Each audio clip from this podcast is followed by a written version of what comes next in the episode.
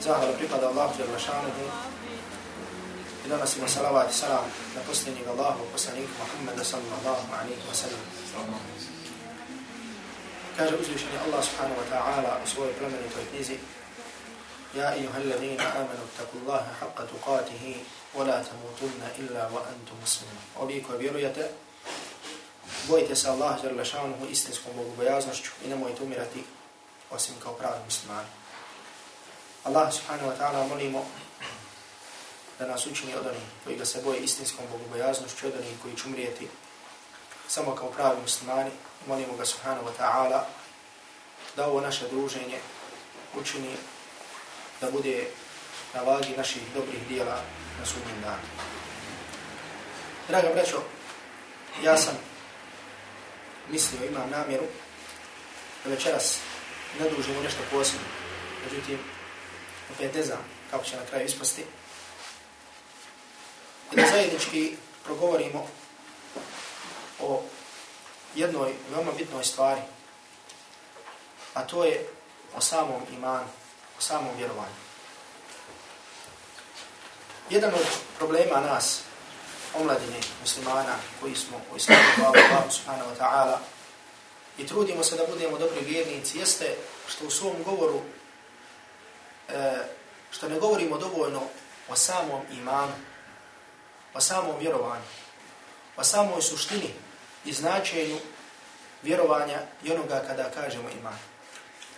Jer mi smo svi svjesni da se dešavaju veliki problemi među omladinom koji su ono što se kaže muslimani, koji dolaze u džamiju, koji se trude da budu dobri muslimani. Međutim, opet, pored svega toga, se dešavaju da čujemo da se desilo ovo između dvojice muslimana, da se desilo ovo između muža i žene, da se desilo ovo i tako dalje. Problem tome, odnosno rješenje, ili da kažem uzrok tog problema, nije ništa drugo nego manjak ispravnog vjerovanja, odnosno manjak imana. I zato se na veliku žalost dešava da čovjek, da kažem, alhamdulillah, hvala Allahu, uđe i postane musliman. Za jedno kratko vrijeme nauči neke osnovne stvari o vjeri. I onda čovjek na tome zastane. I sva druga priča o vjeri se samo svodi na rasprave i na druge stvari od kojih nema nikakve koristi. Jer mi smo svi svjedoci da koliko puta postavimo sami pitanje ili smo svjedoci kako drugi postavljaju pitanje, ne sa ciljem da bi saznali nešto novo, nego samo sa ciljem da bi pitali i da bi poveli neke rasprave. Mi znamo šta Kur'an i sunnat Allahu poslanika sallallahu alaihi wa sallam govori o takvim raspravama i govori o takvim stvarima. I zato, draga braću, nažalost kažemo, dešava se, da čovjek kada uđe u islam, da on je prve dane ili prve mjesece nauči nešto ovoj velikoj uzvišenoj vjeri koje je da Allah subhanahu wa ta'ala i da čovjek na tome zastane. Sve poslije toga što dolazi jeste samo govor, samo prazna priča koja se vrti na čovjekovom jeziku, to jeste nisu stvari koje ulaze u čovjekovo srce. Draga braćo, da bi bolje vidjeli važnost ovog govora, potrebno je da razmislimo o hadisu Allahu poslanika sallallahu alaihi wa sallam, koji je zabilježi imam Bukhari i muslim, u svojim sahihima Abu Hureyre radijallahu ta'ala anhu, da Allahu poslanik sallallahu alaihi wa sallam kaže al-imanu bid'un wa sab'una shu'ba. Al-imanu bid'un wa sittuna au bid'un wa sab'una shu'ba. Iman je 60 i nekoliko ili 70 i nekoliko ogranaka. Znači iman nije samo jedna stvar, nego iman šta? Iman je 60 i nekoliko ili 70 i nekoliko ogranaka. Pa kaže Boži poslanik sallallahu alaihi wa sallam, fa afdaluha la ilaha illallah. Najbolji ogranak imana je šta? Su riječi la ilaha illallah. U Stvari to je, to je temelj imana. Znači to je nešto sa čim čovjek sebi obezbjeđuje da neće vječno biti stanovnik čega džehennama. Međutim, čovjek posle toga može biti mu'min, muvahid, da čini grijehe, pa da ga Allah subhanahu wa ta'ala da mu te grijeha ako će oprosti, ili da mu Allah subhanahu wa ta'ala šta? Da ga uvede u jahannam, da Allah jalla šanu sačuva radi nekih grijeha koji mu neće biti oprošteni i da u jahannamu izgori radi ti svojih grijeha, pa da ga Allah subhanahu wa ta'ala ponovo vrati u život i da ga uvede? Da ga uvede u džennet. Međutim, iman sa kojim čovjek garantuje sebi da neće vječno ostati i biti stanovnik džahannama, jeste da čovjek kaže la ilaha illa Allah Muhammadu Rasulullah. Znači vidimo ovo je osnova za ova iman. Pa kaže Boži poslanik sallallahu alaihi wa sallam, najbolji ogranak imana je koji?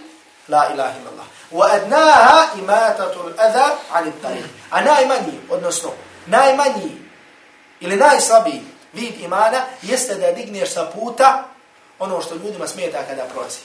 Pa kaže Boži poslanik sallallahu alaihi wa sallam, wal haya'u šu'batun min al iman. I stid je dio imana.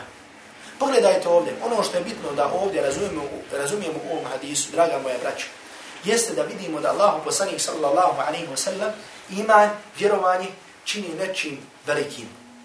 Odnosno da iman, da kažemo, nije samo jedna stvar, nego toliko stvari vidimo. 60, u jednom rivajetu je došlo 60 i nekoliko, u drugom rivajetu je došlo 70 i nekoliko. Nas ne interesuje tačan broj toga.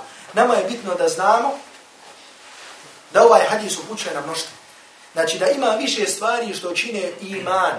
A iman je šta? Samo vjerovanje u Allaha subhanahu wa ta'ala. I zato sve te druge stvari koje su islamski učenjaci spomenuli da su od ovih ogranaka imana, kao što nam je Boži poslanik sallallahu alaihi wa sallam spomenuo da je stid dio imana, da je oslanjanje na Allaha subhanahu wa ta'ala, kasnije, kao što spomenuli islamski učinjaci, da je oslanjanje na Allaha dio imana, da je sabur dio imana, da je bogobojaznost dio imana, sve je to dio imana, odnosno dio samog vjerovanja u Allaha subhanahu wa ta'ala. Da je to sami dio vjerovanje u Allaha subhanahu wa ta'ala. Draga braćo, zato vjerovanje u Allaha subhanahu wa ta'ala, odnosno suštinu, o suštini tog vjerovanja čovjek mnogo mora da razmišlja. I onda kada čovjek da Allah Đelšanu sačuva, sad počini neki grijeh, treba sam sebi da postavi pitanje da li je on dovoljan vjernik u Allaha subhanahu wa ta'ala, onako kako Allah subhanahu wa ta'ala od njega traži. Jer da je vjernik onako kako Allah Đelšanu od njega traži, ne bi možda počinio taj grijeh. I svaki taj grijeh koji počini čovjek treba da veziva za svoje vjerovanje. Međutim, draga brać, ono o čemu sam ja mislio večeras malo više da se dotakne, jeste pitanje jedne stvari, a to je pitanje tevakula, odnosno oslanjanje na Allaha subhanahu wa ta'ala, odnosno oslanjanje na Allaha subhanahu wa ta'ala. Islamski učenjaci su pisali zasebna poglavlja u svojim dijelima, ili da kažemo zasebne knjige, govoreći o tevakulu, o oslanjanju na Allaha subhanahu wa ta'ala. Ja ne bih večeras ovdje spominio definicije šta kaže ovaj, šta je tevakul, šta je oslanjanje na Allaha jalla šanuhu, Eh, kakva je veza tevakula i fiqa billahi ta'ala, odnosno sigurnosti u Allaha subhanahu wa ta'ala, kakva je uh, veza tevakula i prepuštanje stvari Allahu subhanahu wa ta'ala, ti neki termina koji su precizni. Međutim, vraćamo se prije svega na govor islamskih učenjaka koji su govorili o važnosti i gdje vidimo kolika je stvar tevakul, odnosno oslanjanje na Allahu subhanahu wa ta'ala, ili draga braću da kažemo, prepuštanje stvari Allahu subhanahu wa ta'ala. Ili da kažemo bolje, prepuštanje stvari Allahu subhanahu wa ta'ala.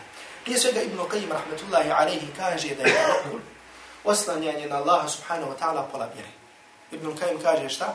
Da je tevakul, odnosno oslanjanje ili prepuštanje stvari Allahu subhanahu wa ta'ala pola vjere. Kako? Kaže Ibn Qayyim zato što se vjera dijeli na dvije stvari. Prvo je ibadet, odnosno obožavanje Allaha subhanahu wa ta'ala. A druga je stvar šta? Traženje pomoći od Allaha subhanahu wa ta'ala da ti pomogne u tom ibadetu. Jer mi znamo da čovjek sam, ukoliko bude prepušten sebi, da ne može izdržati na jednom jedinom ibadetu. I zato vidimo Allahovog poslanika, alaihi salatu wasalam, kako traži od Allaha subhanahu wa ta'ala da ga pomogne u ibadetu. Allahumma inni Pa kaže Allahu dragi, pitam te, posle namaza, dovu koju je poslanik sallallahu alaihi wa sallam učio, tražim od tebe ovo, ovo kaže wa husni ibadatika I tražim od tebe da mi podariš da lijepo činim ibadet. Pa Allahu poslanik sallallahu alaihi wa sallam upućuje dovu Allahu jalla šanuhu i kaže mu وَلَا تَكِلْنِ إِلَى نَفْسِي طَرْفَ دَعَيْنٍ Nemoj me prepustiti samom sebi, pa makar koliko je treptaj oka. Nemoj me prepustiti samom sebi, pa makar koliko je šta? Tarfata ajnin, koliko je treptaj oka. I, a još prije toga, Allah subhanahu wa ta'ala, draga braću, u samoj fatihi, nas podučaje ovoj stvari kada govorimo iyake na'budu wa iyyaka nasta'in. Samo od tebe pomoć tražimo, samo tebe obožavamo i samo tebe pomoć tražimo. Samo tebe obožavamo i samo tebe pomoć tražimo. Znači vidimo ovdje da je vjera dvije stvari. Traženje, odnosno vršenje ibadeta Allahu subhanahu wa ta'ala, drugo je traženje pomoći u tom ibadetu. A tevakul, odnosno prepuštanje stvari Allahu subhanahu wa ta'ala, nije ništa drugo nego traženje pomoći od Allaha subhanahu wa ta'ala da te pomogne u tom ibadetu. Dobro. Draga braćo, islamski učenjaci su također govorili o podjelama tevakula, da je tevakul ovo, da se tevakul dijeli na ovoliko stvari, da se dijeli na ovoliko stvari, ja ne bih želio da večeras na tom gubimo vreme. Međutim, prije svega, htio bi da govorimo o jednoj vrsti tevakula, a to je tevakul kada su pitanju naredbe i zabrane. To je tevakul kada su pitanju naredbe i zabrane. Mi znamo svi da veliki broj ljudi, kada se spominju određene naredbe ili određene zabrane, da odma ima koliko god hoće šubhi, da ima dilema. Pa, na primjer, čovjek, čovjeku kažeš, treba obavljati pet vakat namaza, prva stvar za koju će čovjek biti pita na sudnjem danu jeste namaz, da li ga je obavljio, odma čovjeku dolazi dilema kako će imati vremena za ovo i za ovo ako bude klanio. Kada čovjek uspomeneš da Allah subhanahu wa ta'ala zabranio to i to, odmah čovjek postavlja pitanje, ako ostavim svoj posao koji mi je haram, kako ću sebi naći za, kako ću sebi naći hljeb, kako ću sebi naći na faku i tako dalje. Znači, odmah vidimo koliko, draga braćo, se postavlja dilema. Znači, sada čovjek koji je mu'min, koji ima jak iman u Allah subhanahu wa ta'ala, treba da ovdje ima osnonac na Allaha i da čvrsto vjeruje da sve ono što me Allah Đalešanu naredio da sa tim neće doći osim hajra. I da svaka stvar koju me Allah Đalešanu zabranio, a čovjeka koji ostavi, da će sa tim doći samo hajr i ništa drugo. I zato jedan islamski učenjak navodi jedan slikovit primjer. Kada ljudima želi da pojasni primjer ovoga oslanjanja na Allah subhanahu wa ta'ala, ili kao što smo rekli, prepuštanje stvari Allah subhanahu wa ta'ala, pa kaže kao primjer dva čovjeka koji nose teret kao primjer dva čovjeka koji nose teret na svojim leđima, nose vreće. Pa kaže ova dvojica ljudi, svaki od njih nosi vreće. Oba dvojica su ušli na brod i na prevozno sredstvo koji će ih prenijeti. Pa jedan od njih je spustio svoju vreću, nema više potrebe da je nosi. Međutim, drugi je i dalje nosi. Ovaj prvi kaže što bola više nosiš vreću. Evo sad ima prevozno sredstvo koji će nas prenijeti. On kaže ne, ne, ovako je sigurnije, ovako je bolje, Ovako je niko od mene neće uzeti, tako će bolje prinijeti, tako dalje. Zar nije glupost čovjek da na svojim leđima nosi vreću, ako je, na primjer, na brodu i ako taj brod nosi, normalno da je glupost. E tako isto da kažemo, mu'mini, na takav isti način čovjek koji vjeruje Allah subhanahu wa ta'ala razmišlja. Zar nije glupost da čovjek strahuje da će mu Allah mu uskratiti na faku ako ostavi neku stvar koju Allah mu zabranio? Zar nije glupost da čovjek vjeruje da će mu, Allah, da će mu se desiti neka šteta ili neki musibet, ako izvrši neku stvar koju je Allah dželle šanuhu naredio. Zato, draga braćo, ovaj jedan slikoviti primjer može da svakom od nas posluži kao jedan primjer, može da mu posluži kao nešto što će mu pomoći u stvarima njegovog života. Jer svakom je od nas kad tada se dešava da ga prepadne šeitan radi određene stvari. Jer ljudi, kao što ćemo vidjeti i stvari koje ćemo spomenuti, ljudi ponekad imaju strah. Ljudi imaju strah i osobina licemjera o kojima Allah subhanahu wa ta'ala govori u Kur'an, spominje u sunnetu. E, Allah Đelešanu kada u Kur'anu spominje događaje kojima su vjernici bili iskušani, vidimo da su licemjeri bili primjer kukavičluka. Da nisu, oni su u početku povjerovali, međutim kasnije su ostavili svoje vjerovanje. Prepalili se. Šta ako nam se desi sa ženama ovo, ako nam se sa djecom desi ovo, ako nam se sa imetkom desi ovo i tako dalje. Međutim, mu'mini pravi muslimani nisu tako razmišljali. I zato, draga braću, ovdje čovjek treba da ima hrabrost. I ne smije da bude kukavica. Nego ako mi Allah subhanahu wa ta'ala nešto naredio, to je naredo od Allaha subhanahu wa ta'ala. Ako mi Allah jala šanu nešto zabranio, to je zabran od Allaha subhanahu wa ta'ala i to mora da se postavi. I čovjek tu treba da ima hrabrosti i da sebe pusti niz tu rijeku. Da sebe pusti, da ga nosi i da bude ubijeđen da mu Allah subhanahu wa ta'ala neće naškoditi i da je svaki hajr u slijedjenju onoga što je došlo u Kur'anu i sunnetu Allahu poslanika alaihi salatu wasalam. Pogledajte, mi ovdje spominjemo jednu rijeku i kažemo da se čovjek pusti niz rijeku. Mi u Kur'anu imamo primjer jedne takve rijeke. Mi u Kur'anu imamo primjer jedne rijeke jedne osobe koju je naređeno da svoje dijete baci niz rijeku. A to je kad Allah se obratio majici Musa alaihi salam. وَأَوْحَيْنَا إِلَىٰ أُمِّ مُوسَى I mi smo objavili Musaovoj majici. Pa kaže Allah subhanahu wa ta'ala objavio to, objavio to. Pa kaže فَإِذَا خِفْتَ عَلَيْهِ فَأَلْقِيهِ فِي الْيَمِّ وَلَا تَخَافِ وَلَا تَحْزَنِي إِنَّا رَادُوهُ إِلَيْكِ وَجَعِلُوهُ مِنَ الْمُرْسَلِينَ Allah Đeršanu kaže Musaovoj majici فَإِذَا خِفْتَ عَلَيْهِ فَأَلْقِيهِ فِي الْيَمِّ Kada se prepadneš za svoje dijete, kada se prepadneš da će doći faraonova vojska, onda uradiš šta? Uzmi ga, uzmi tabut, stavi to dijete na tabut i pusti to dijete. Nizbud. Draga braćo, zamislite ovaj događaj. Ovaj jedan kratki ajet, u stvari pola kuranskog ajeta. Pogledajte kolika je škola u životu svakog od nas. Ovo pola kuranskog ajeta, kao što smo prošli put spominjali za onaj hadis, jeste jedna medresa, jedan fakultet, koji čovjek ako sprovede u svoj život, sproveo veliku stvar. Pogledajte jedno majčino srce. Majka je, svaka majka je slaba na svoje dijete. Pogotovo kada je dijete malo, kada je dijete bebe. Međutim, pogledajte kakva ovdje dolazi naredba. Ima velika rijeka, a dijete je malo. I dolazi naredba da se to dijete stavi na splav, odnosno da se stavi na tabut, niz koji će se pustiti. Koji tu iman i koja tu vjera u Allaha subhanahu wa ta'ala treba, pa da se to izvrši. Međutim, Musaova majka kao vjernica, kao mu'minka, kao ona ko ima sigurnost u ono što Allah Đalešanu naređuje, a ovdje naredbo od Allaha subhanahu wa ta'ala, ona učinila to. Jer Allah subhanahu wa ta'ala kaže inna raduhu ilajki wa ja'inuhu min al-mursani. Mi ćemo ti ga vratiti i učinit ćemo ga da bude poslanik. Allah Đalešanu je veća, mi ćemo ti ga vratiti i učiniti da bude poslanik. Draga braćo, mi također, Allah subhanahu wa ta'ala se obraća nam. Allahu poslanik sallallahu alaihi wa sallam se obraća nam. Kada nam se kaže, ako učinite to i to, bit će vam tako i tako. Ako učinite tako, bit će vam tako i tako. Ko učini to, imat će to i to. Nije uvijek stvar vezana za hiret. Nije vrać uvijek stvar vezana za hiret, nekada je vezana i za dunjaluk. Pa mnoge grijehe, za mnoge grijehe nam je došlo u Kur'anu i u sunnetu, Allahu poslanika alaihi salatu wasalam, kazna na samom dunjalu. Međutim, čovjek nema čvrstog imana. Nema jačine imana da prepusti stvar Allahu subhanahu wa ta'ala. Međutim, ovdje vidimo primjer jedne muminke koje svoje malo dijete pušta. Zbog čega? Zato što ima sigurnost. Ima sigurnost.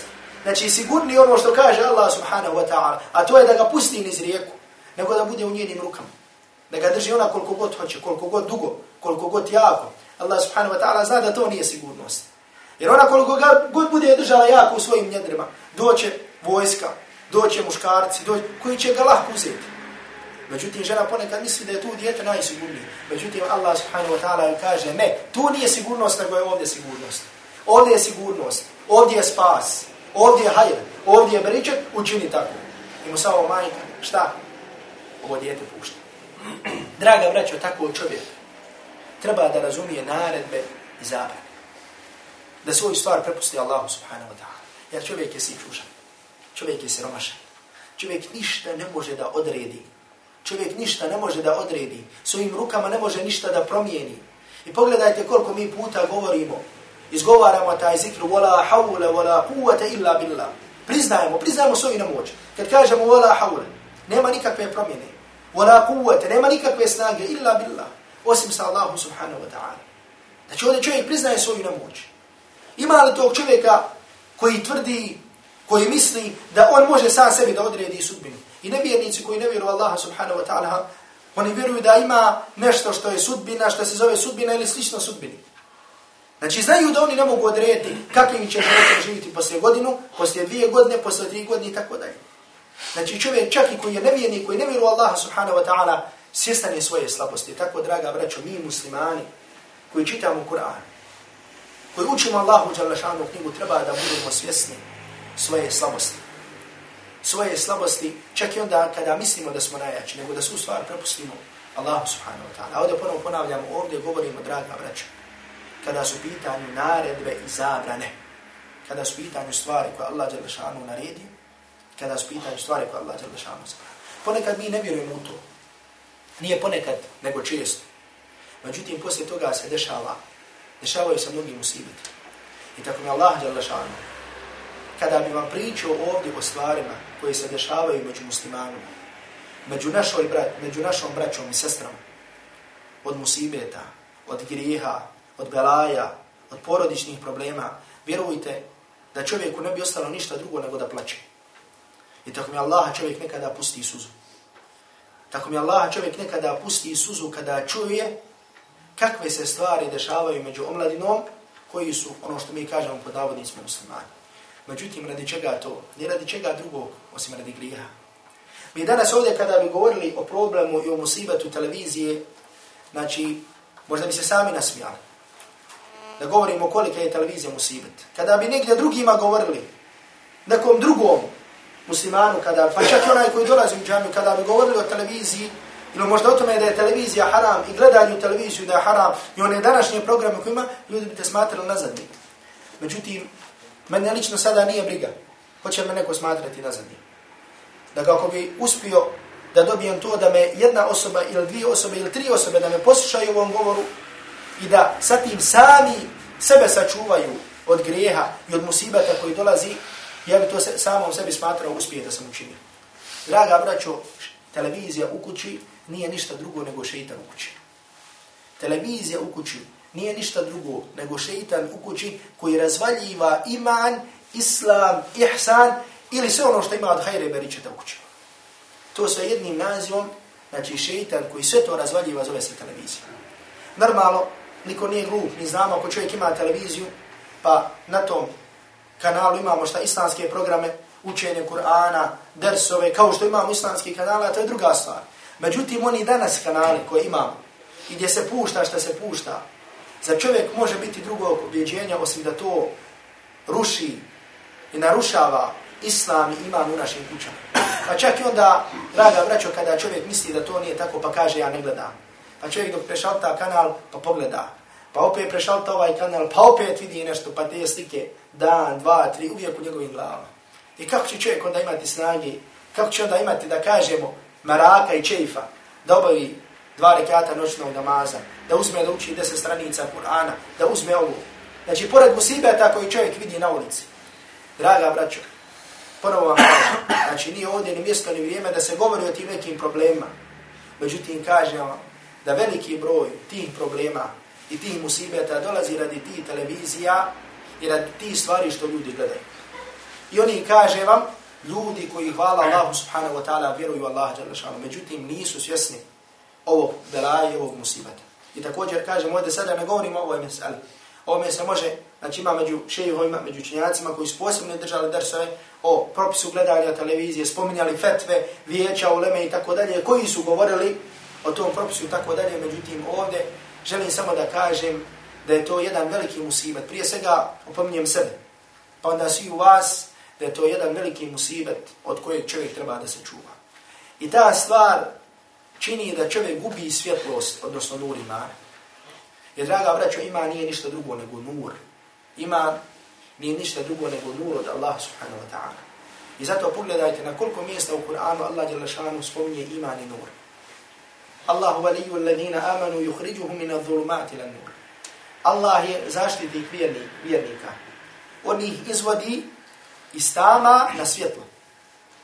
والذين كفروا أولياؤهم الطاغوت يخرجونهم من النور إلى الظلمات Međutim, nevjernici sa njima je obrnuto. Oni koji ne vjeruju, njima su zaštitnici šeitani.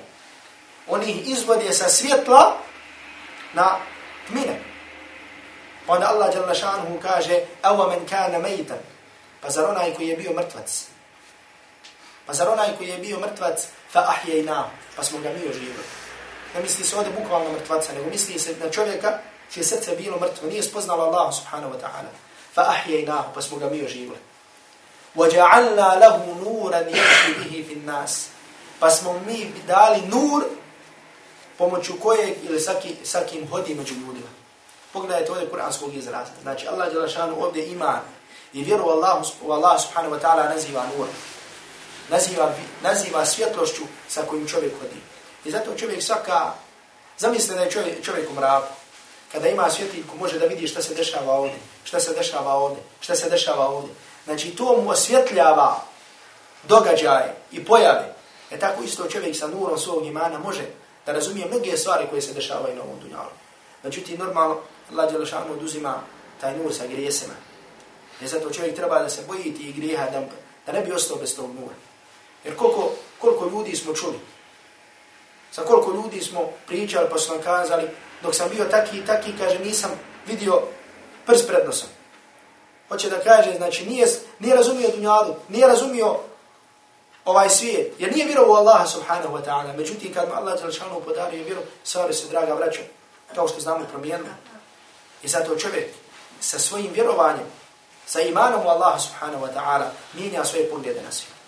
Druga stvar, kada u pitanju tevekul, odnosno prepuštanje stvari Allahu subhanahu wa ta'ala, draga braćo, jeste tavakul u Allaha subhanahu wa ta'ala kada u pitanju naša budućnost. Kada u pitanju naša budućnost, kada u pitanju budućnost muslimana, nas kao pojedinaca, nas kao porodica muslimanska, nas kao džemata, nas kao ummeta i tako dalje. Prije svega normalno ovdje treba jednu stvar spomenuti.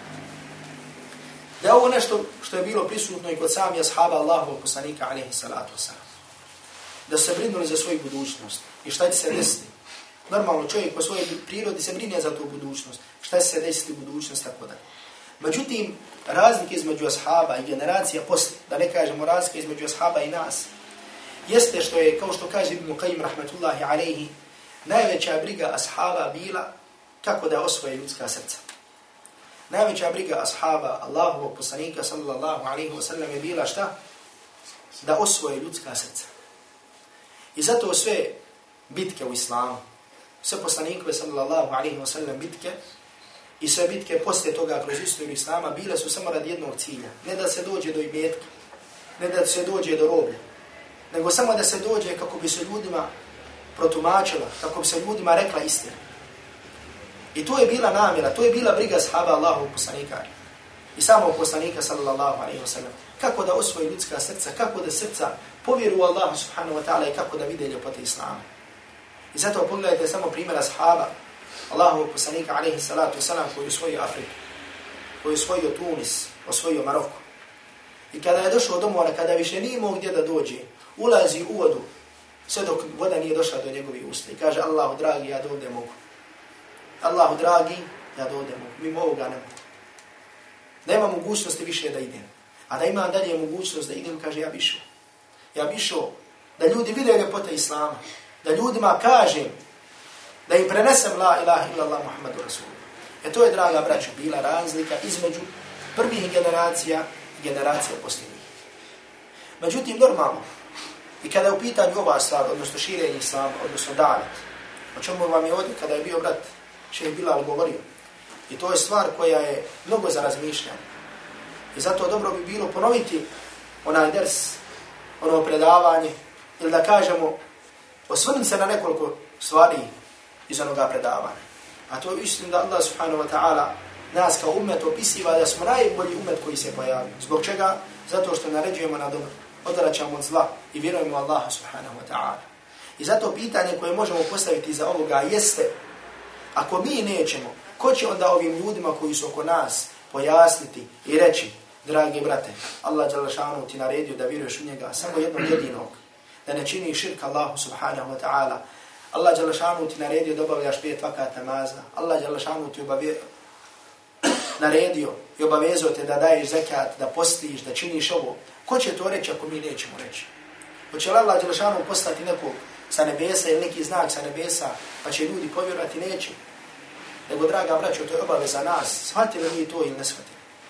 I zato na veliku žalost možemo vidjeti ljude kako čitav svoj život troše na neke gluposti čovjek čita svoj život zavjetuje da će posvetiti širenju nekog sporta, nekog hobija, nekog ne znam ja šta. Čita svoj život čovjek posveti širenju toga. Jer za čovjek musliman, koliko god on imao znanje, zar ne treba čitav svoj život da posveti širenju Allahove subhanahu wa ta'ala vjere. I zato, draga braću, i ova stvar, na put ove stvari se postavljaju poteškoće. I zato slikoviti primjer, gdje se najbolje vidi važnost tevekkula, oslanjanje na Allaha subhanahu wa ta'ala i prepuštanje stvari Allahu subhanahu wa ta'ala, jesu bitke Allahovog poslanika sallallahu alaihi wa sallam sa svojima sahabima. Pogledajte svaku tu bitku kroz Allahu poslanika alaihi salatu vesselam. Jesu li ikada, jesu li ikada muslimani bili mnogobrojni od svog neprijatelja? Nikada. I kada bi uzeli te neke dunjalučke, pa i te neke vojne strateške stvari u obzir, da bi vrlo lahko mogli da kažemo da bi tu trebalo da muslimani izgube. Međutim, nisu izgubili. Allah subhanahu wa ta'ala im je dao pobjedu. Pa pogledajte, draga braćo, bitke na Bedru. Kada dolaze mušici, Allahu poslanik sallallahu alaihi wa sallam, znamo kako se odigrala bitka na Bedru. Govori da će doći karavane Ebu Sufjana i da treba da se, šta, da se pričeka, pa onda dolaze mušnici, saznaju za to, dolaze, skuplja se vojska, dolaze ovi, dolaze ovi, tako dalje. Znači, dolazi da vojska sa kojim treba da se sukobe, ko? Muslimani, da biva mnogobrojni od muslimanskih vojske. I poslanik sallallahu alaihi wa sallam, kao što je zabilio džima Mahmed i drugi, kao što je zabilio džima Mahmed u svom musnadu i drugi, denesa radijallahu ta'ala anhu, se savjetuje. Pa kaže Abu Bakr radijallahu ta'ala anhu, što ti misliš o me? Pa kaže Omeru radijallahu ta'ala anhu, što ti misliš o me? Pa dolazi red na Ensarije, odnosno na ashaba Allahovog poslanika sallallahu alaihi wa sallam, koji se zvao Sa'ad ibn Ubade. Koji se zvao Sa'ad ibn Ubade. Sa'ad ibn Ubade je, draga braćo, bio jedan od glavešina Ansarija prija dolaske s odnosno u džahilijetu. I bio jedan od velikih uglednika i zato su ga zvali El Kamil. Zvali su ga Kamil, potpuni. Zato što je znao pisati, znao čitati pisati. Tada je malo ljudi znalo čitati pisati. Zato što je znao gađati, dobro gađati lukom i strilom i zato što je znao plivati. Međutim, nije samo da je znao, nego je sigurno u tome je dobar bio. Pa imao nadimak El Kamil.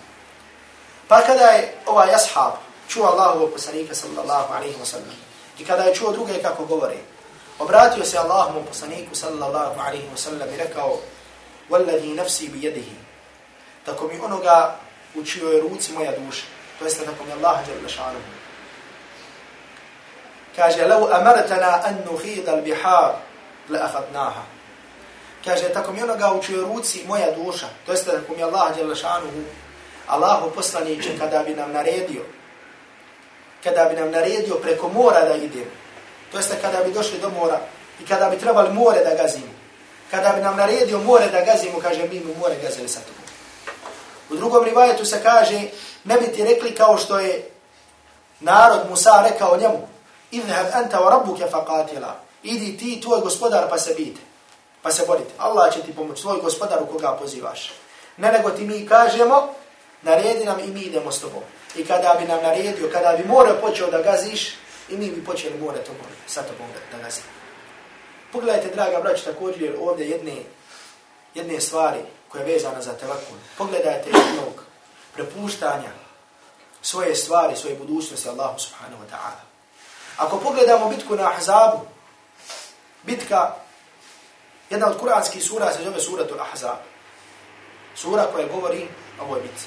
Kada bi pogledali I kada bi vidjeli ovu bitku, vidjet ćemo također jednu čudnu stvar, kada je u pitanju ono o čemu govorimo. To je prepuštanje stvari Allahu subhanahu wa ta'ala. Draga braćo, ono što je bilo karakteristika ove bitke, znači ovdje ćemo samo ukratko da se osvrnemo na ovu bitku, jeste prije svega da su ovoj bitci, za razliku od drugih bitaka i bitaka posli, koje će muslimani voditi, muslimani su bili opkoljeni. Bili su šta? Opkoljeni, bili su okruženi. Zbog čega? Zato što je tada ashab po imenu Salman al-Farisi, zato što je predložio Allahom poslaniku alaihi salatu wasalam i muslimanima, jedan način ratovanja koji je bio poznat Perzijancima, a nije bio poznat kome, nije bio poznat Arapima. A to je da bi oni iskopali velike rovove, odnosno da bi iskopali veliki rov u krug oko mjesta u kojem, se, u kojem bi se nalazili. I na takav način bi privukli neprijatelji, onda bi dobili, odnosno pobjedili neprijatelji. Međutim, ovdje normalno znači bio jedan problem, Allahu poslanik sallallahu alaihi wa sallam je usvojio ovaj način ratovanja od Salman al-Farisija, međutim, ovo je ipak bila stvar koja nije bila poznata Arabima. I ovdje znači i žena, i djeca, i kuće, i metak, sve moralo da se suoči sa neprijateljom. Druga stvar koja je bila karakteristika ove bitke jeste da je ovdje također neprijatelj bio mnogobrojniji. Znači, bilo je oko deset hiljada, kao što se spominje u knjigama historije, u knjigama Sirije, oko 10.000 neprijatelja koji su došli da se bore sa muslimanima. I ovdje nije bio samo jedan neprijatelj. Ovdje je bilo nekoliko neprijatelja. Ovdje su bili mušici iz Mekke, ovdje su bili židovi, nekoliko židovskih plemena. I na kraju ćemo vidjeti da jedno židovsko pleme, to je Benu Kureiza, koje je imalo ugovor sa muslimanima i sa Allahom i poslanikom, sallallahu alaihi wa sallam, da je prekršilo taj ugovor na kraju. I zatim treća stvar koja je također odlika ove bitke jeste da je velika glad zadesila muslimane, odnosno kako borce, tako isto i žene i djecu i tako dalje. Pa kada je ova bitka u pitanju, zabilježi imam termizi u svom sunanu od Ebu Talehi radijallahu ta'ala anhu, da ovaj ashab Allahu poslanika sallallahu alaihi wa sallam kaže šekevna ila rasulillahi sallallahu alaihi wa sallam al-đu. Kaže, požalili smo se Allahu poslaniku sallallahu alaihi wa sallam za glad. Wa rafa'na an butunina. I kaže, mi smo, kaže, podigli, digli smo svoju odjeću. Kako bi poslanik sallallahu alaihi wa sallam vidio šta? Farafa'na an butunina an hajar. Mi smo kaže podigli svoju odjeću kako bi poslanik ali wa sallam vidio šta? Kako smo kako bi vezali kamen. Uzeli bi kamen i, za, i svezali bi za svoj želudac. Znači da se manje osjeti glad. Znači došli smo i to smo učinili da vidi Allah poslanik sallallahu alaihi ve sellem koliko smo gladni. Kaže farafa'a rasulullah sallallahu alaihi ve sellem an hajarain pa kaže Allahom poslanik sallallahu alaihi wa sallam podigao svoju odjeću kaže pa su tamo bila dva kamena koja su bila svezana koja su bila stegnuta Znači ovo je bila također jedna karakteristika ove bitke, za razliku od drugih bitak, jeste da je velika glad tada zavladala Medinom. Međutim, Allah subhanahu wa ta'ala je tada dao muadžize, Allahu, neke od muadžiza, Allahu poslaniku sallallahu alaihi wa sallam, pa tu nam spomni imam Buhari u svom sahihu od Jabra radijallahu ta'ala anhu događaj, kada jedan od ashaba zaklo jednu malu životinu, jednu malu ovcu, jednu malu ili kozu. I kako je šapnuo Allahu poslaniku sallallahu alaihi wa sallam da je to učinio, da bi nahranio Allahu poslanika sallallahu alaihi wa sallam. Pa mi poslanik sallallahu alaihi wa sallam rekao da ne rade ništa dok on ne dođe. Pa je došao poslanik sallallahu alaihi wa sallam i plusnuo na tu hran i zamjesio tu hranu svojom rukom pa se prenosi da je hiljadu ljudi jelo od toga što je zaklo ovaj ashab. Da je jelo koliko? Hiljadu ljudi. Znači, beričetom Allahu poslanika sallallahu alaihi wa sallam. Jedna i četvrta karakteristika ove bitke jeste prevara koja se desila, to je da je plene, pleme Benu Kureiza prekršilo ugovor koji imalo sa muslimanima i sa Allahom i poslanikom sallallahu alaihi wa sallam. Znači, normalno, ovi faktori, ove činjenice sve ukazuju na jedan savršen poraz. Odnosno, na jednu savršenu pobjedu kada su pitanju neprijatelji muslimana. I također, draga braćo, Kur'an govori o ovoj bitci i govori, opisuje, da kažemo, te unutrašnje stvari, te osjećaje muslimana koji su imali. Pa Allah subhanahu wa ta'ala kaže وَبَلَغَتِ الْقُلُوبُ الْحَنَاجَ I kaže duša je došla do grla. Od tolike teške stvari, od tolike muke, od tolike patnje u kojima su bili muslimani وَبَلَغَتِ الْقُلُوبُ الْحَنَاجَ Kaže duša je došla do samog grla. Tako Kur'an opisuje u bitku. Unalika btuli il mu'minuna wa zulzi u zilzale šedida. Tu su muslimani iskušani i mnogo su potreseni bili. Wa zulzi u zilzale šedida i mnogo su potreseni, to jeste nisu više mogli da budu potreseni. Međutim, draga braćo, da li je stav muslimana, mu'mina, pravih vjernika u ovom vremenu i u ovom momentu bio da zatraže od Allahovog poslanika sallallahu alaihi wa sallam da popusti kao što su munafici govorili, munafici su to tražili. Jer tada se među podnavodnicima muslimanima među muslimanima pojavila dva tabora. Tabor munafika i tabor pravi muslimana. Jer Allah Đelšanu kaže وَتَذُنُّونَ بِاللَّهِ الظُّنُونَ I vi ste o Allahu svašta misli. To jeste kao što se kaže u komentaru ovog ajeta, vi ste o Allahu svašta misli, muslimani su Allah, e, munafici su svašta misli o Allahu subhanahu wa ta'ala. To jeste misli su da je Allah Đelšanu neće pomoći. Nisu svoju stvar prepustili Allahu Đelšanu. Međutim, dok su muslimani, pravi muslimani, dok su mu'mini, vjerovali da će Allah Đelešanu pomoći. I zato su munafici govorili inna bujutana aure. Oni su govorili naše kuće su otkrivene. To jeste naše kuće se nalaze na takvom položaju. Neprijatelj se je približio da mogu, znači, da nas radaju kuće. Allah subhanahu wa ta'ala kaže وَمَا هِيَ بِعَوْرَ Nisu njihove kuće. Nisu njihove kuće otvorene. To jeste nije to pravi razlog. Nije to pravi uzrok. Nego pravi razlog je njihov, njihova kuka, njihov kukavičluk i što nisu propustili stvar Allahu subhanahu wa ta'ala. Međutim, draga braćo, pravi muslimani, mu'mini pra, sa pravim imanom, kako su rekli i šta su kazali, onda kada su vidjeli ovo, kada su vidjeli ove saveznike, kada su vidjeli ove Hazab, znači pleme Benu Kuraiza, druga židovska plemena, dolaze šta?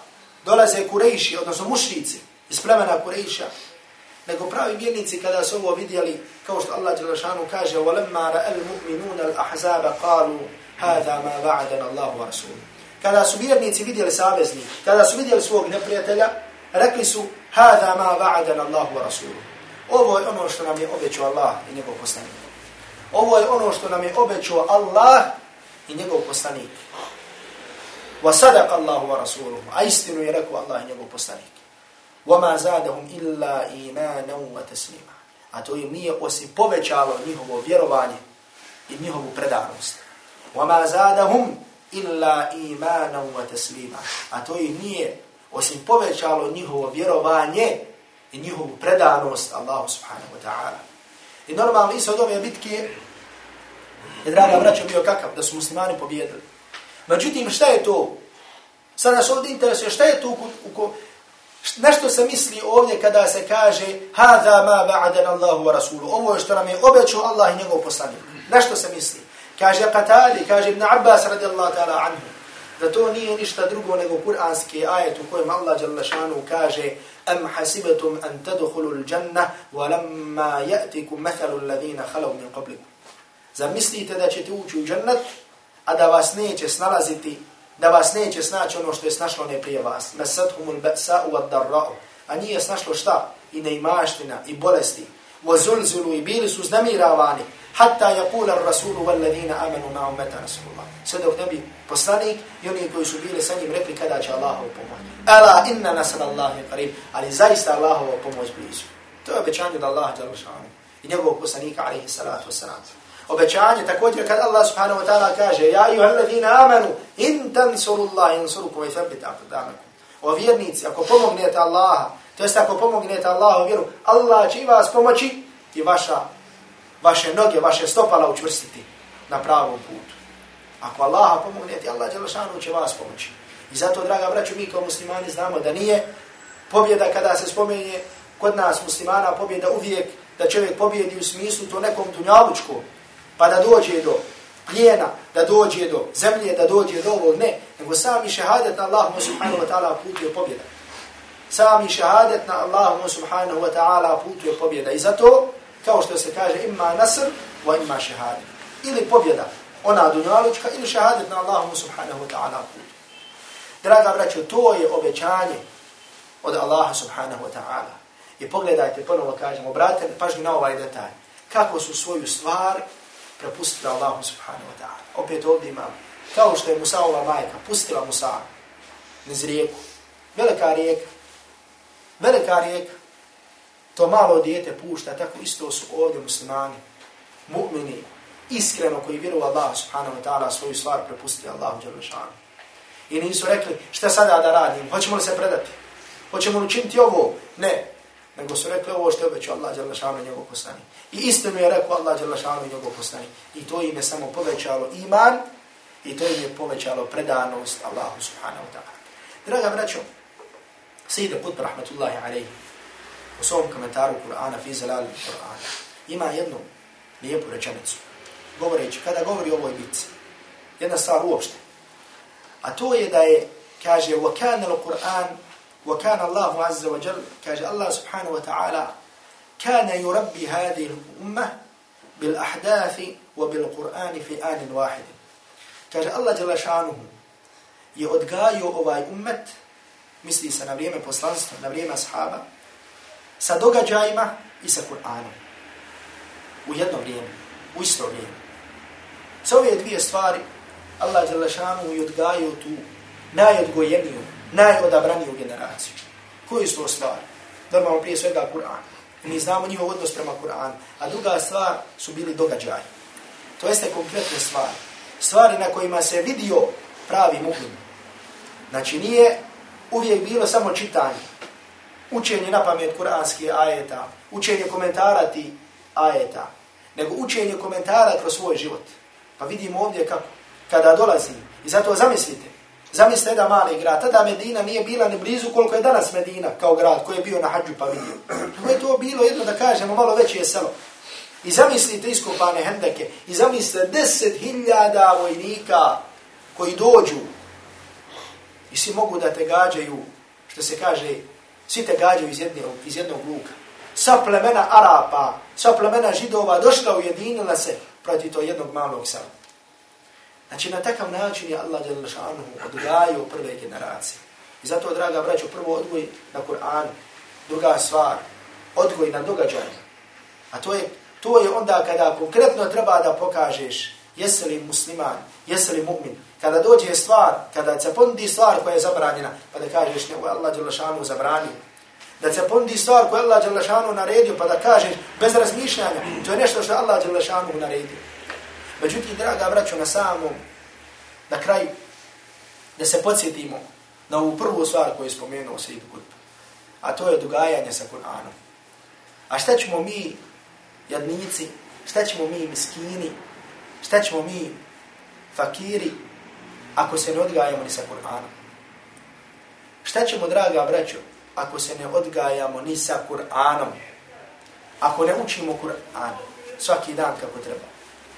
Ako ne dolazimo na halke Kur'ana da naučimo Kur'an? Ja ovdje ne govorim sada ponovo u smislu neke propagande o školi Kur'ana, o halkama Kur'ana. Međutim, koliko se dođe na halku Kur'ana, kada su halke Kur'ana, a to je dva put sedmično, to nije, Boga mi, sramota onoga koji ovdje dođe, nego je to svačija sramota. Ako, pogotovo u ovom ljetu koje dolazi, znači kada čovjek može svašta da vidi, kada može svašta da čuje, nećemo povećati svoje ibadete. I nećemo povećati naš odnos prema Kur'anu. I mjestu na koje možemo da naučimo Kur'an. Kako bi se družili i gdje se odmah i družimo sa Kur'anom i sa kuranskim ajetima. I učimo se kako kasnije da se družimo sa Kur'anom, ako u ovim toplim danima, ovim danima iskušenja, danu, danima fitneluka, nećemo povećati taj odnos, onda bojim se da možemo klanjati dženaze svojim imanima. Svojim imanima, odnosno s onom pravom imanu kojeg želimo da postaknemo. Kojeg želimo da postignemo. Jer pogledajte, draga brać, ponovno vam kažem, kroz ovaj događaj, kada se vrate kući, otvorite knjigu Sirije, otvorite zapečićeni džemnatski napitak, pa pročitajte bitka na Ahzabu.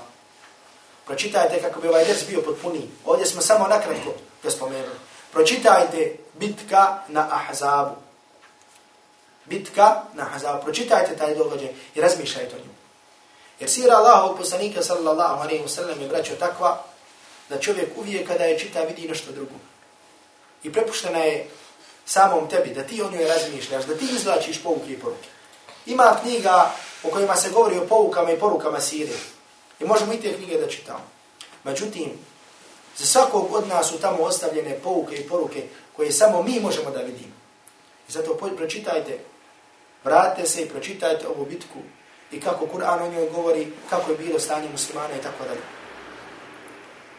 Međutim, stvar na koju ponovo da pominjemo jeste naš odnos prema Kur'anu, prema Allahu ođer našanu u knjizi. I da ove prve generacije nisu imale jak i čvrst odnos sa Allahom ođer našanu u knjigom, ne bi izdržali. Nego oni koji nisu imali, a to su bili munafici, koji nisu učili Kur'an, koji su samo raspravljali. Njihova glavna odlika je bila rasprava koji su samo raspravljali, oni su dolazili sa tim opravdanjima da naše kuće su vake, te ovo je vako, te ovo je vako. Međutim, dok oni koji se družili sa Allahom Đelešanu knjigom, sa njima je bilo drugačije. Molim Allah subhanahu wa ta'ala da nas učini od onih koji se oslanjaju na Allah subhanahu wa ta'ala iskreno, koji se oslanjaju na Allah subhanahu wa ta'ala istinski i koji svoje stvari prepuštaju Allahu subhanahu wa ta'ala. I zato molimo Allaha subhanahu wa ta'ala da sve naše stvari budu prepuštene njemu i da nas ne prepusti samim nama, pa makar koliko je treptaj oka, da nas ne prepusti samim nama, pa koliko je treptaj oka. Kulu qavli hada, wa astagfirullah, li wa lakum